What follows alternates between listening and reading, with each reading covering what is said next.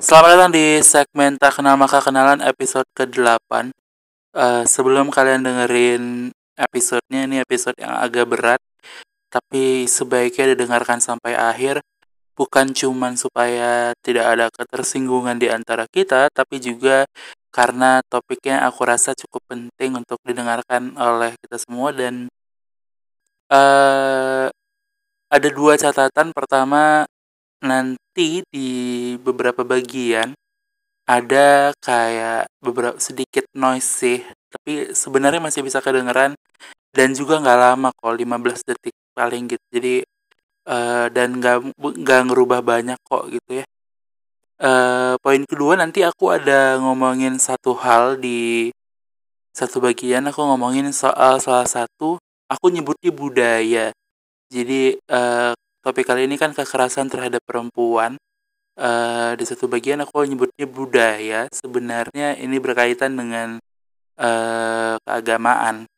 Uh, di sana aku ngomong soal uh, di agama Islam syaratnya kalau orang bar orang uh, menikah cerai baru mau menikah lagi rujuk uh, si perempuannya harus menikah dulu dengan laki-laki lain baru diceraikan baru bisa menikah balik gitu ya baru baru bisa rujuk kembali gitu.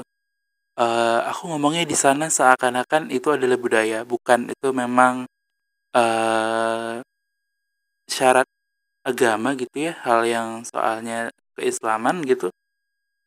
Tapi yang aku salahkan di sana sebenarnya adalah budaya pada pernikahan sementaranya itu. Jadi uh, budaya kekerasan bahwa ada ada kekerasan terhadap perempuan pada prosesi itu gitu. Jadi prosesi itu nggak salah aku nggak nyalahin agamanya atau apanya sekali lagi budayanya juga mungkin nggak salah tapi uh, itu tadi pemanfaatan budaya agama dan sebagainya untuk melakukan kekerasan gitu. Atau mengatasnamakan kekerasan itu. Dan emang salah manusianya aja. Eh, uh, udah terima kasih sudah mendengarkan sampai di sini. Kita masuk ke episode ke-8 tak kenal maka kenalan.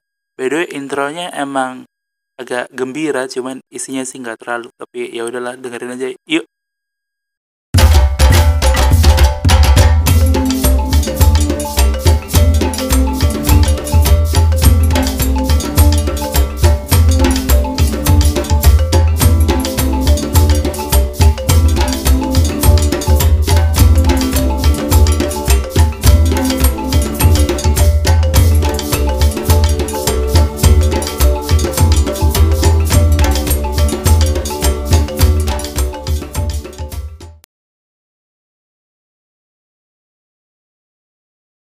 Selamat datang di Kadang-Kadang The Podcast Segmen Tak Kenal Maka Kenalan episode ke 7 atau 8 lupa. Uh, Ini agak serius sih. Uh, Pertama jadi aku beneran minta maaf aja duluan di depan. Uh, Kalau nanti ke depan ke belakang akan ngomongin hal-hal yang sensitif akan uh, kepleset dan salah ngasih data dan lain sebagainya.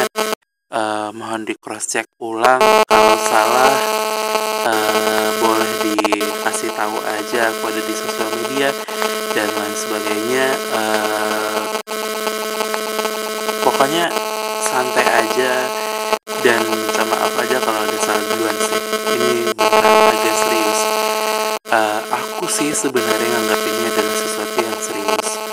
Karena uh, sulit untuk ngebahas ini sambil bercanda jadi uh, dan ini juga bukannya mau ngerasa kayak berlebihan atau gimana gitu. Maksudnya uh, aku juga ngambil keputusan untuk bahas ini lumayan mikir gitu. Uh, kayak bahas nggak ya bahas ya uh, jadi singkat cerita nih beberapa hari yang lalu itu aku ngeliat video di Twitter. Sebenarnya aku nggak ngeliat videonya sih. Uh, tapi aku ngeliat orang posting video di Twitter terus uh, captionnya uh, pokoknya menggambarkan bahwa jadi ada uh, ini apa tolak kawin tangkap di Sumba. Uh, tradisi eh ya uh, penculikan berbalut tradisi apa segala macam gitu. Uh, video itu muncul kemudian lumayan viral dan ternyata uh, video yang mirip-mirip kayak begitu itu udah muncul di 2019 uh, juga di Sumba gitu uh, kemudian itu aku agak break bentar maksudnya ya udah aku tinggalin isunya. Uh, sampai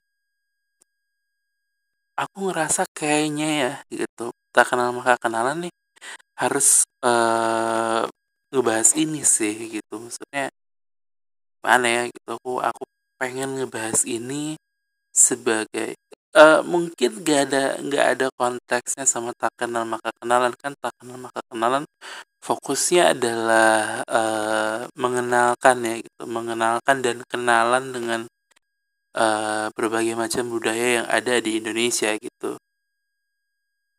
Uh, tapi ya ini adalah keputusan yang aku ambil untuk bahas ini sekali lagi kalau mungkin ke depannya aku ngomong agak belepotan apa segala macam salah data mohon dimaafkan. Kalau ada yang perlu dikoreksi maka sangat oke okay untuk dikoreksi.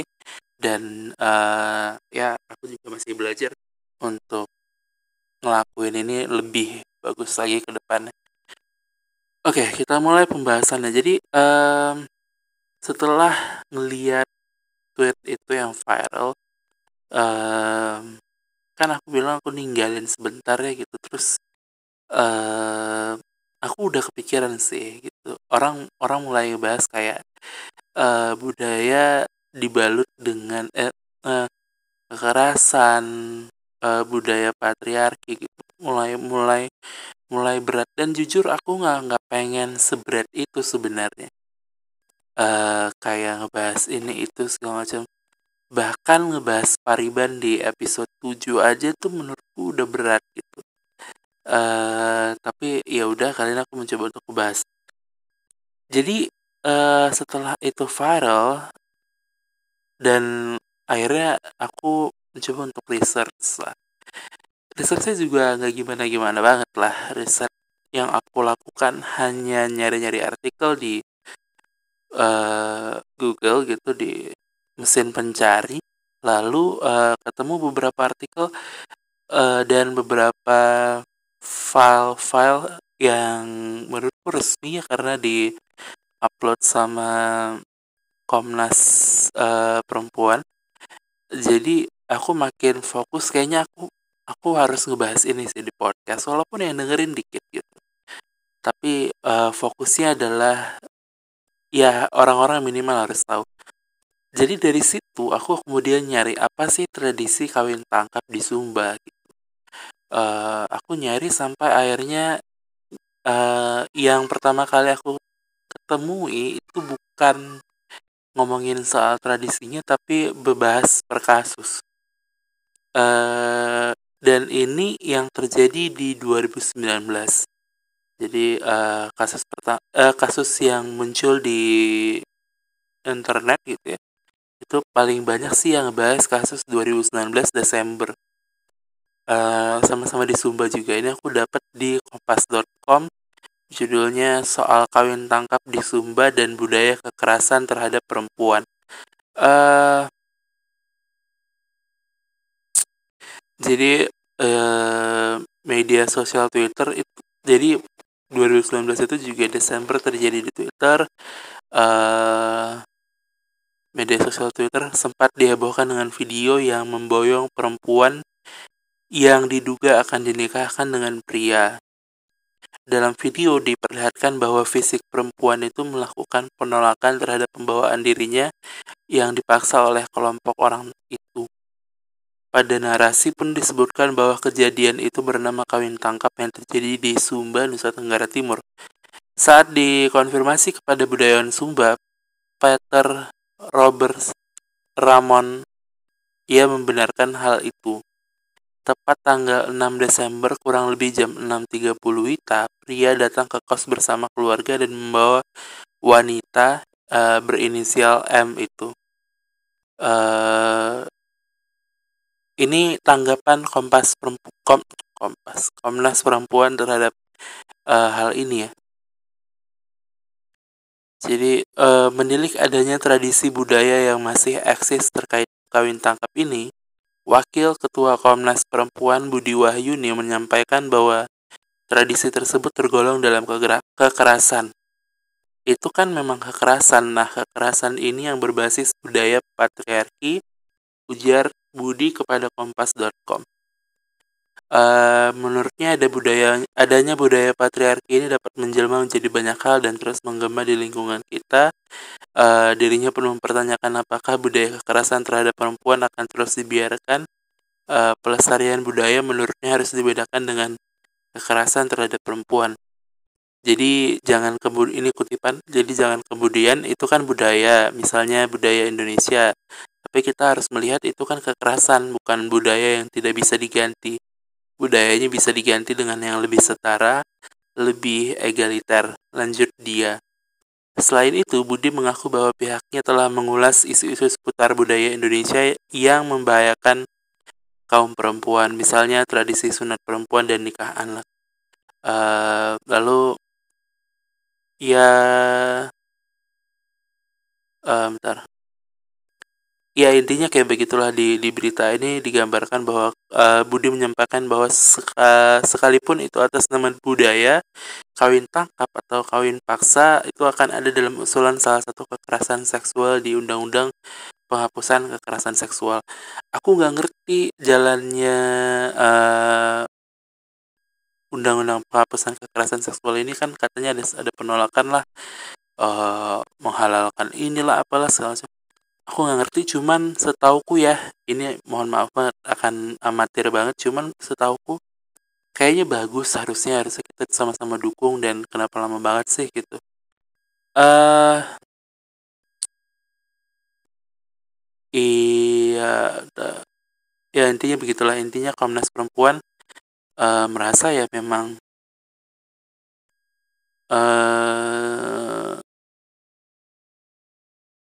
jadi intinya itu budaya, cuman kan kalau budaya kemudian membahayakan perempuan ya harus dihapuskan gitu. Uh, dan oh ya itu itu Desember. Uh, nah ini contoh lain masih di artikel yang sama. Contoh lain uh, yang budaya yang kekerasan terhadap perempuan misalnya pas kecil dijodohin dijodohin masih kecil udah dijodohin nanti kalau udah besar mereka kita jodohin ya gitu. Eh uh, entah. Ya oke. Okay. itu itu berita dari kompas.com tahun 2019 uh, eh, tapi aku bisa aku bingung gitu karena loh se sebenarnya dari budaya kawin tangkap ini gitu uh, aku ngelihat kayak prosesnya gimana gitu. Jadi kan yang selama ini kita lihat di media kan yang aku lihat di media dan berkembang gitu. Jadi ada keluarga si laki-laki itu menjemput paksa perempuan dari luar dijemput terus dibawa ke rumah Terus maksudku ini mereka kenal nggak sebelumnya si laki-laki dan perempuan? Apa emang pacaran? Apa gimana gitu? Kalau stranger kan aneh banget gitu. Maksudnya nggak stranger based on aku suka sama dia ayo kita kawin tangkap apa gimana bisa nggak gitu uh, awalnya aku bingung tapi tapi sebelum itu ya sebelum ke teknis uh, kawin tangkap ini aku juga ngelihat nah di berita tadi kalau diperhatiin kan ada satu budayawan Sumba yang bilang bahwa uh, itu benar terjadi gitu di Sumba. Uh, aku ngelihat satu berita lagi yang juga ngebahas kejadian di tahun 2019 itu, tapi dari sudut yang berbeda. uh, kali ini dari sudut ketua DPRD uh, Sumba. Ketua DPRD Nusa Tenggara Timur sorry.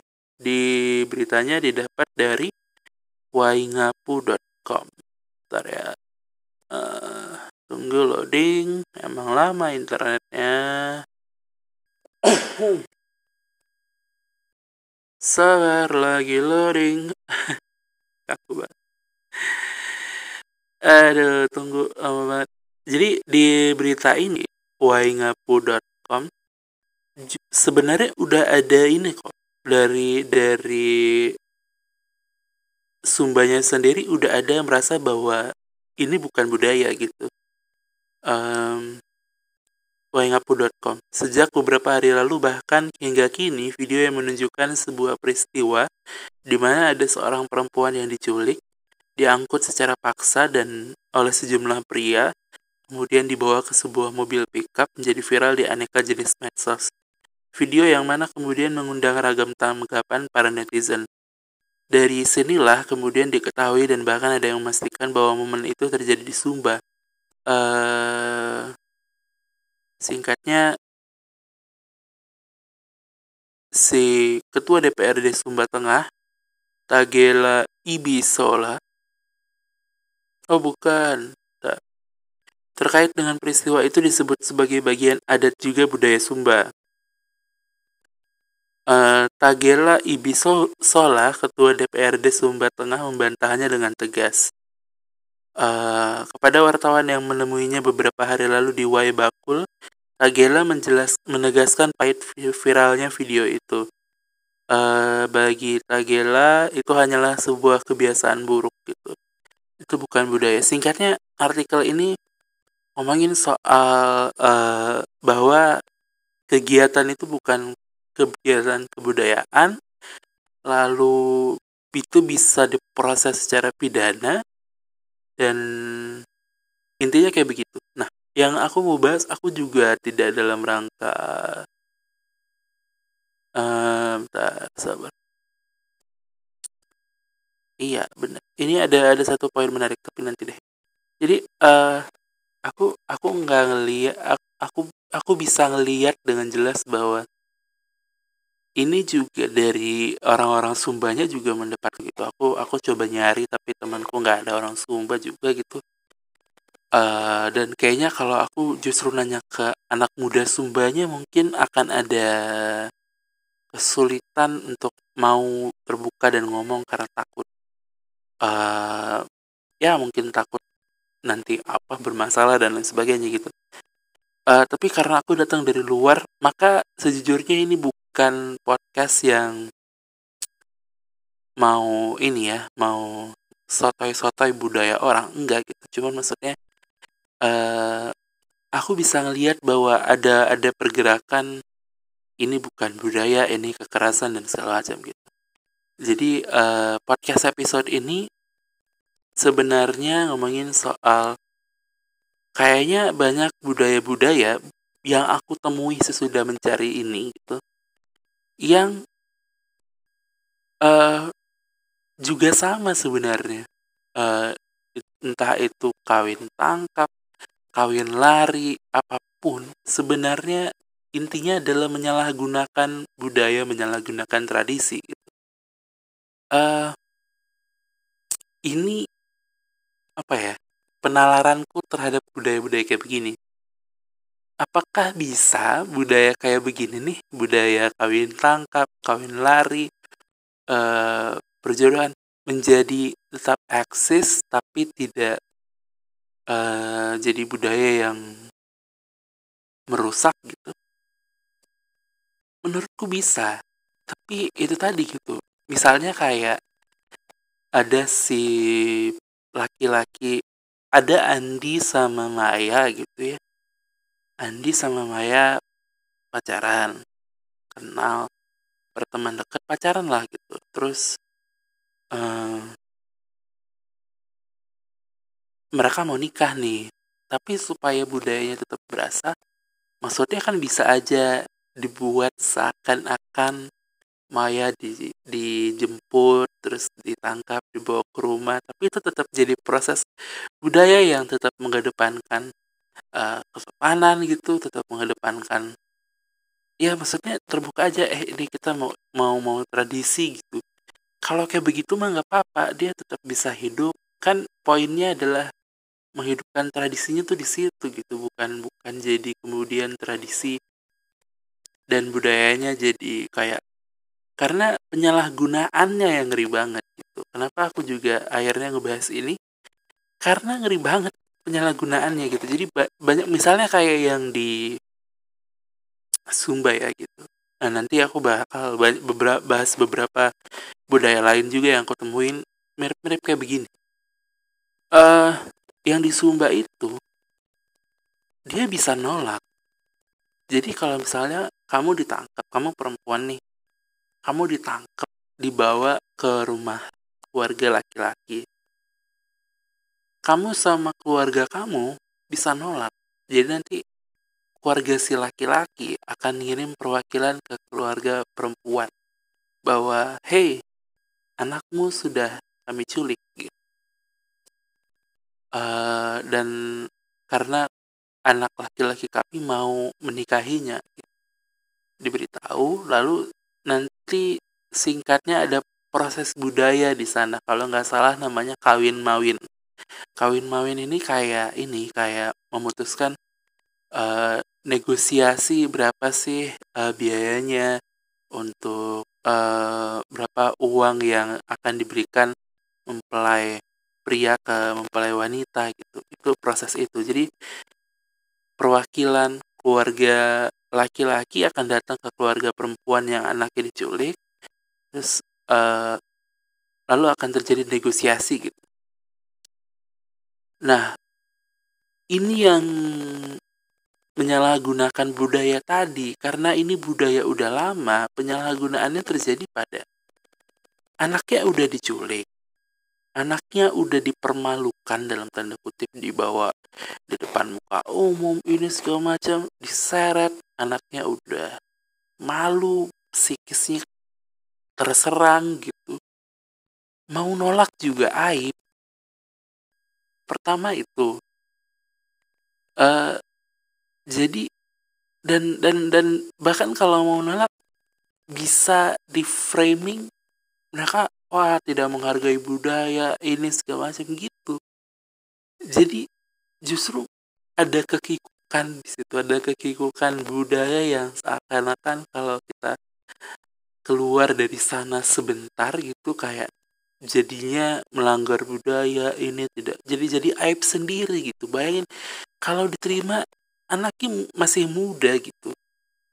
Ini sering terjadi ke anak-anak muda. Jadi anak anak-anak perempuan muda itu tuh ditangkap terus dan mereka masih muda gitu. Maksudnya pemikiran mereka masih mereka mungkin belum bisa stand atas dirinya ngomong gitu. Uh, sehingga dia mungkin akan terima-terima aja. Mungkin ada tawaran-tawaran nanti kamu hidupnya enak atau apa pun gitu. Jadi penyalahgunaan penyalahgunaan budaya ini yang menurutku agak kayak aduh uh, sedih gitu ngedengernya. Uh, itu soal ini ya. Jadi jadi menurutku udahlah kita harus stop yang kayak begini-begini. Uh, aku ngelihat sendiri aku ngebaca ada satu file uh, Komnas Perempuan ngebahas kekerasan terhadap perempuan dalam aspek kebudayaan dan tradisi-tradisi halamannya 34 halaman. Aku belum baca semuanya cuman aku baca 17 halaman pertama udah kayak wah gila sih ini harus diomongin gitu. Uh, jadi ini aku akan nyodorin masalah-masalah dulu nanti mungkin aku di atas akan bikin sesuatu untuk jadi mungkin solusi, solusi tipis-tipis aja gitu. Uh, itu soal tadi kan aku bilang aku nemuin beberapa tradisi kawin lari, kawin tangkap dan lain sebagainya gitu ya. Salah satu yang juga uh, menurutku sedih adalah aku nemukan di Tempo uh, tradisi kawin culik di Lombok suburkan praktik nikah paksa. Ini November 2019. Jadi uh, 15 menit. Ini ini aku bacain sedikit ya. 15 menit berkencan Helmayani sudah mendapat lamaran nikah pada perjumpaan pertama. Dari pantai tempat kencan itu dia dilarikan oleh sang bocah ke rumah calon mertua. Dan hanya sebulan berselang keduanya melafalkan ijab kabul mereka baru berusia 17 tahun Yani adalah satu dari 1,5 juta pengantin di bawah umur yang hidup di Indonesia. Menurut statistik PBB, jumlah tersebut merupakan yang terbesar ke-8 di dunia. Pemerintah belum lama ini menaikkan batas minimal usia menikah dari 16 menjadi 19 tahun. Namun, organisasi HAM mengkhawatirkan tradisi atau praktik nikah siri yang tidak terdaftar akan makin marak dan menjadi batu sandungan yang sulit dilalui. Jadi ini juga highlightku. Uh, ternyata menaikkan usia pernikahan minimal pernikahan A itu tidak tidak menyelesaikan aja karena nikah siri nggak perlu dicatat dalam dalam pemerintah gitu kalau misalnya dia 18 nikah dia akan dikasiri dan ketika umurnya 19 ayo kita daftarin ke KUA gitu. Pemerintah belum lama ini menaikkan uh, oh ya itu tadi udah di kampung halaman Yani, Lombok, etnis Sasak masih merawat tradisi kuno kawin culik di mana perempuan disembunyikan di rumah kerabat pria atas persetujuan lembaga adat. Uh, tradisi ini disebutnya tradisi merarik. M E R A R I Q. Tradisi bernama merarik itu sedianya membutuhkan persetujuan dari kedua belah pihak dan hanya dilakukan dalam pengawasan ketua-tetua adat. Lagi-lagi aku bilang tradisinya nggak salah karena bisa dilakukan dengan benar karena mungkin mereka udah sama-sama menjalin kasih gitu terus ya ada pantauan dari ketua adat dan segala macam. Tapi ada ada aja oknum-oknum yang melakukan ini atas nama tradisi tapi ia cuman untuk gunanya dia sendiri aja gitu. Uh, namun tidak sedikit yang menggunakannya untuk membenarkan praktik pernikahan dini. Ini juga salah satu alasanku kenapa bahas ini karena bukan hanya perempuan tapi soal pernikahan dini gitu saya tidak tahu apa yang harus saya lakukan ketika dia melamar, maka saya bilang iya. Uh, kisah Yani, ini kutipan dari Yani si anak 17 tahun. Kami naik sepeda motor dari pantai ke rumah saudaranya. Orang tua Yani tidak tahu keberadaannya ya selama ini, selama berhari-hari sampai tetua desa datang membawa kabar pernikahan. Ini kutipan orang tua Yani. Saya marah dan kecewa. Saya menangis tiada henti saat mencarinya. Kata sang ibu Nur Halimah, sembari menimang bayi perempuan berusia dua bulan yang dia panggil cucu. Dia belum selesai sekolah, tapi apa yang bisa saya lakukan kecuali mengizinkannya menikah. Jika dia bercerai, itu akan menjadi aib buat keluarga kami. Kisahnya kepada Thompson Creators Foundation. Uh, kisah Yani tidak unik di Pulau Lombok, namun kini aktivis bahu-membahu dengan tetua adat untuk menyelamatkan reputasi merarik sebagai tradisi Sasak. Uh, organisasi hak perempuan Girls Not Brides melaporkan sekitar 12 juta perempuan di seluruh dunia menjadi pengantin bocah setiap tahunnya. Mereka yang menikah dini tidak hanya terancam oleh eksploitasi rumah tangga, tapi juga kekerasan seksual atau bahkan kematian saat melahirkan. Pemerintah menyebutkan praktik pernikahan anak di Indonesia sering terjadi lantaran kemiskinan atau untuk merawat tradisi seperti di Lombok. Saat ini Nusa Tenggara Barat bertengger di urutan atas daftar provinsi dengan kasus pernikahan anak terbanyak di Indonesia. Tradisi kawin culik di Lombok sudah ada sejak beberapa generasi. Terkadang pihak pria berunding dengan keluarga perempuan setelah lamaran, berbeda dengan praktik penculikan pengantin di Kirgistan, Mali, atau Ethiopia. Uh, dalam tradisi Sasak, calon pengantin pria akan membawa pengantin perempuan ke lokasi tertentu untuk berbicara satu sama lain. Jadi ini awalnya tuh gini loh. Andi dan Maya berpacaran, menjalin kasih. Lalu pada suatu malam Andi dan Maya ketemuan di lokasi di pinggir pantai mungkin. Tapi di bawah pengawasan anggota keluarga. Lalu uh, mereka setelah ngobrol lalu dibawalah Maya ke rumah keluarga Andi. Lalu yang kayak tadi aku bilang, ya keluarga Andi datangin keluarga Maya, lalu mereka diskusi, negosiasi dan lain sebagainya gitu sehingga uh, akhirnya Maya dan Andi menikah gitu. Cuman ini dilakukan kayak kisah Yani ini tadi gitu. Dia 17 tahun, dia dibawa laki-laki gitu ayo kita ngobrol di pantai mau nggak nikah sama saya? Saya nggak maksa tapi mau nggak nikah sama saya? Kan jahat. Jahat dong. Dia 17 tahun dia dia nggak ngerti gitu. Dan dia ya nih mungkin bilang ya ya nggak ngerti sih mas. Udah ayo ikut ke rumah saya. Itu tradisi itu itu yang namanya tradisi penipuan itu gitu. Pemanfaatan tradisi untuk untuk melakukan itu gitu. Uh, dan ya kayak yang dibilang orang tuanya Yani dia nggak dikasih tahu tiba-tiba Yani datang bawa cucu. Dem gila sedih banget sih. Aku ngerasain parah sedihnya. Uh, ini tanggapan atas aktivis hak anak-anak di Lombok. Ini dilakukan atas nama tradisi, sehingga warga menerima saja dengan buta terlepas dari salah atau tidak.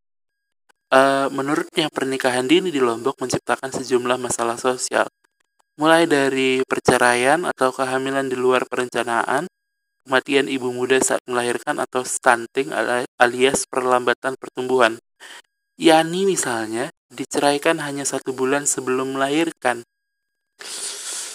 Berinding dengarnya. Dia kesulitan mendapatkan sertifikat kelahiran untuk sang bayi lantaran pernikahannya tidak terdaftar. Uh, saya sedih, malu dan marah, kata Muhammad Rais, tokoh adat suku Sasak.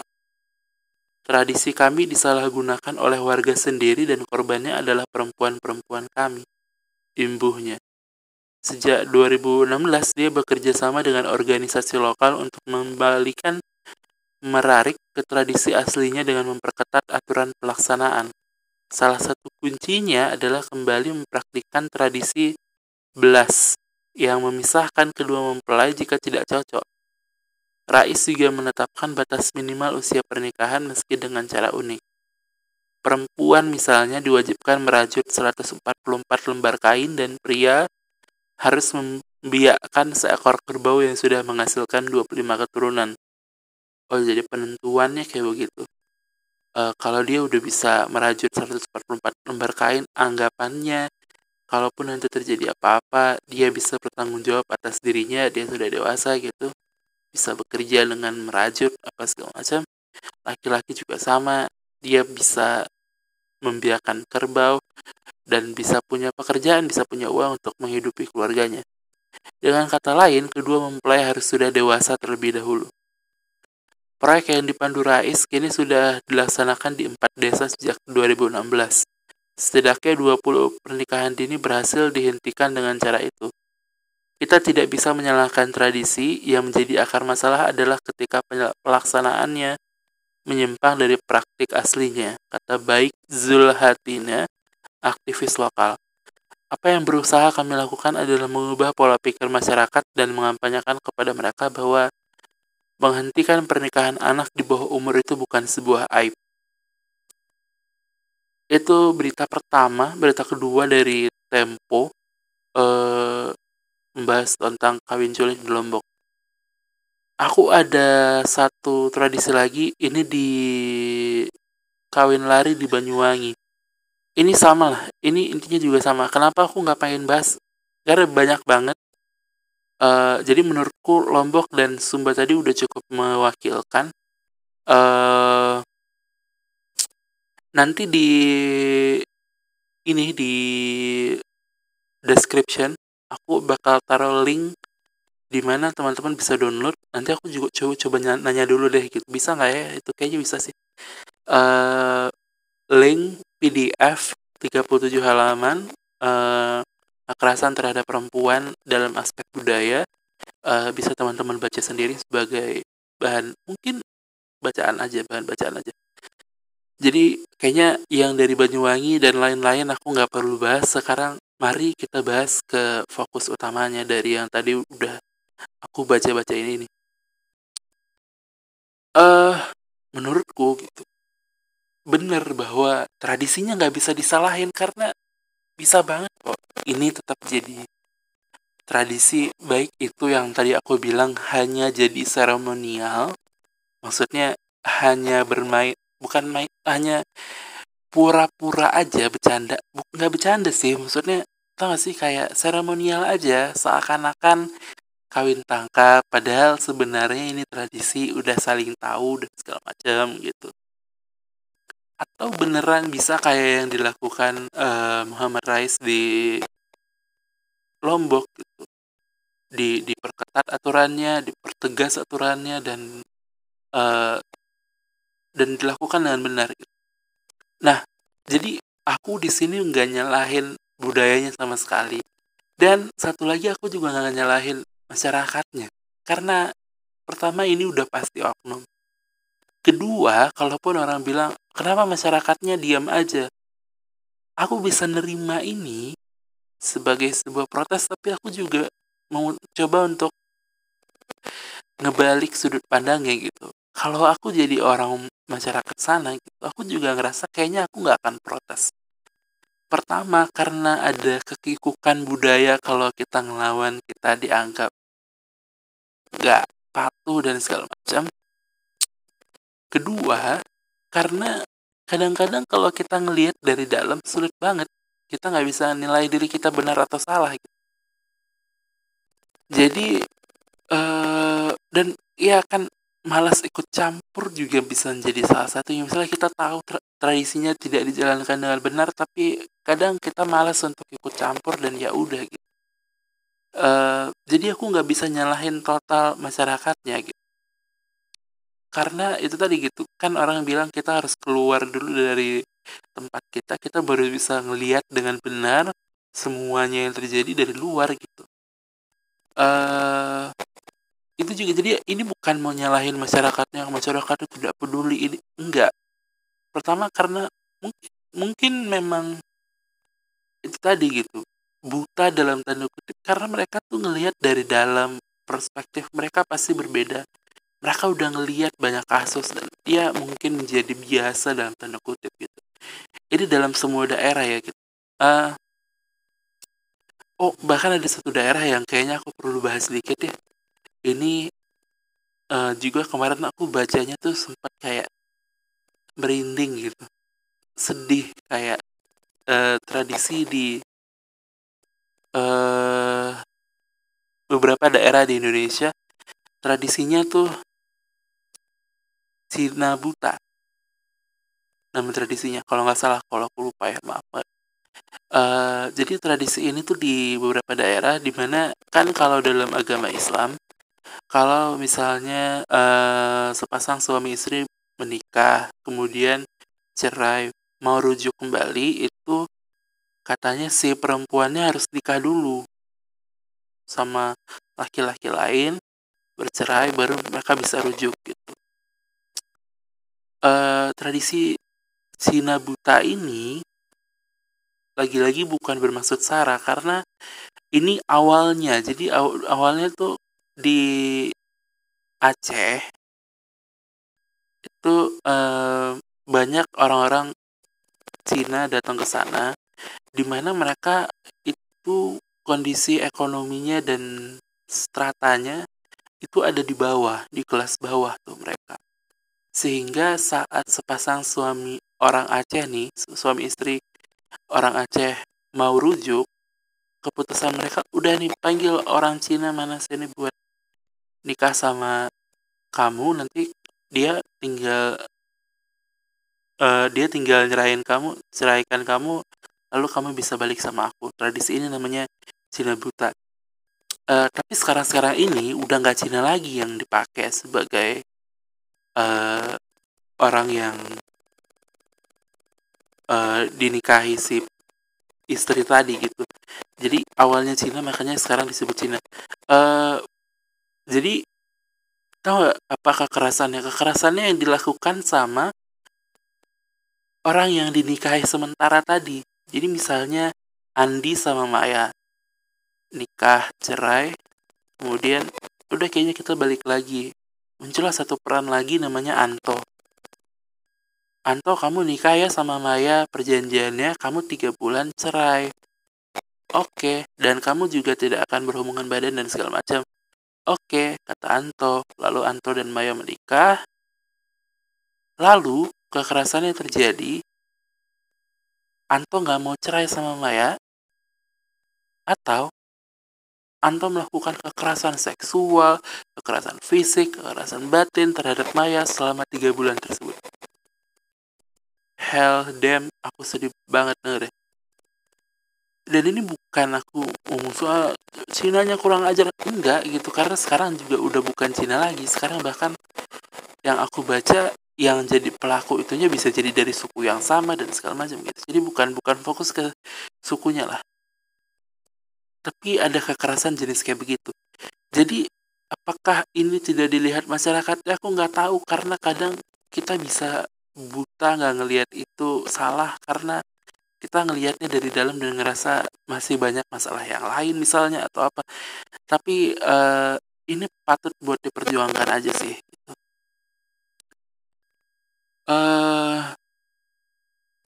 itu aja jadi balik lagi tadi budayanya menurutku nggak salah karena dia bisa jadi budaya seremonial atau bisa jadi budaya yang beneran tapi diperketat dibenerin pelaksanaannya uh, otomatis memerlukan kerja yang lebih keras, uh, aktivis-aktivis, lalu pemerintah daerah, lalu ketua-ketua adat, semuanya harus bergerak sama-sama.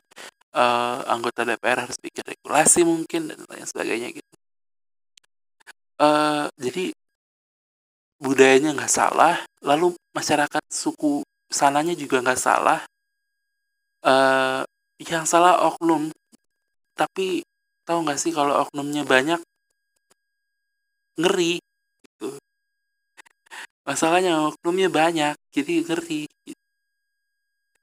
uh, selanjutnya sih itu menurutku kayak kalau ditanya apa yang bisa di, dijadikan penyelesaian ya nggak tahu kayaknya semua harus balik ke daerah masing-masing gitu.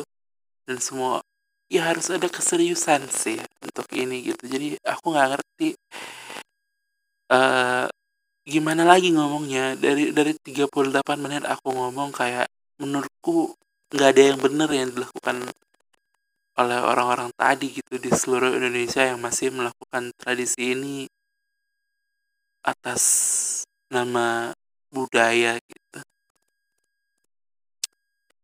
Sedih sih sedih banget uh, kita harus sama-sama bergerak sih ya. Kasihan beneran deh. Bayangin gak sih? Trauma-trauma yang dirasakan segala macam. Sedih kasihan bener. Uh, jadi itu aja sih kayaknya yang bisa aku sampaikan. Masyarakatnya nggak salah.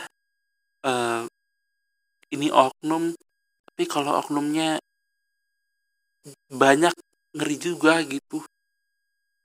Ya kita harus sama-sama bergerak. Aku punya podcast. Ya udahlah aku ngomongin ini di sini. Mungkin yang tugasnya bikin peraturan ya bikin peraturan yang benar. Uh, yang lain mungkin mendukung sesama membuat uh, ekosistem yang baik di masyarakat itu membuat ya apa pun lah yang bisa ngebantu ini pelan-pelan terpecahkan. Ah, berat banget ya. Tak kenal maka kenalan episode terberat.